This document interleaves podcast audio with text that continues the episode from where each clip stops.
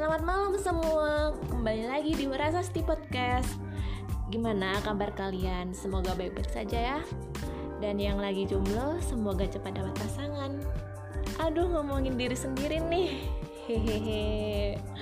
Kira-kira kalian tahu nggak sih apa pentingnya menjaga sebuah hubungan? Sebuah hubungan berasal dari komitmen. Dan komitmen itu adalah toleransi kita dalam menerima pasangan jika pasangan kita posesif, cerewet, sering tanya kita lagi di mana, atas baliknya menjadi dingin, cuek, kayak kulkas dua pintu ya harus diterima aja. Kalau enggak, ya enggak usah memiliki hubungan. Because nothing perfect in the world. Komitmen itu membutuhkan sifat yang dewasa. Dan yang kedua adalah kepercayaan. Kita harus saling percaya satu sama lain Posesif boleh, tapi jangan berlebihan ya. Soalnya, setiap orang itu juga memiliki privasi dan kehidupan mereka sendiri. Dunianya itu bukan kamu saja.